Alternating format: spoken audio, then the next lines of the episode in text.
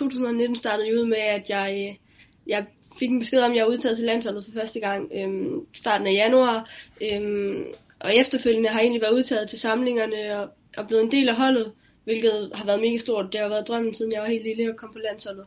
Så 2019 har været stort år for mig, og, og tingene er gået rigtig stærkt, men, men egentlig mega, bare, mega fedt år. Og ved du, jeg tror faktisk, at der er måske nogle mennesker, som er, som er enige med dig i det. Øh, jeg har i hvert fald en her, du lige skal møde, som, øh, som jeg er helt sikker er enig med dig. Og han vil gerne lige sige et par ord til dig, så hvis du lige hænger på. Ja. Du får den her, så den der oppe i øret.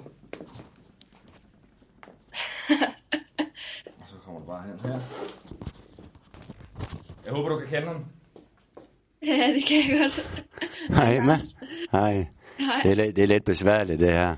Nå, øh, Emma, jamen du har jo haft det helt fantastisk 2019. Øh, du er blevet en profil på, øh, ja, både på jeres eget klubhold.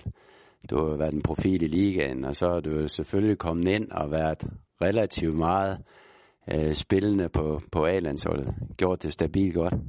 Og øh, så har jeg så også fået den ære, at, øh, og det må jeg endelig ikke glemme, at du faktisk i meget hård konkurrence også er blevet øh, kåret til årets talent 2019.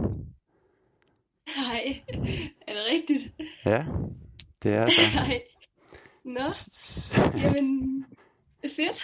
tak. Så øh, hjerteligt tillykke. Tak, Så Lars. nu kan det jo næsten ikke gå bedre. Det håber jeg alligevel, det kommer til. At du fortsætter Ja. din udvikling og øh, fortsætter med at, at være, som du er. Så øh, tillykke med det. Wow, mm, tak. Og så ses vi jo Øh, snart. ja, det gør vi.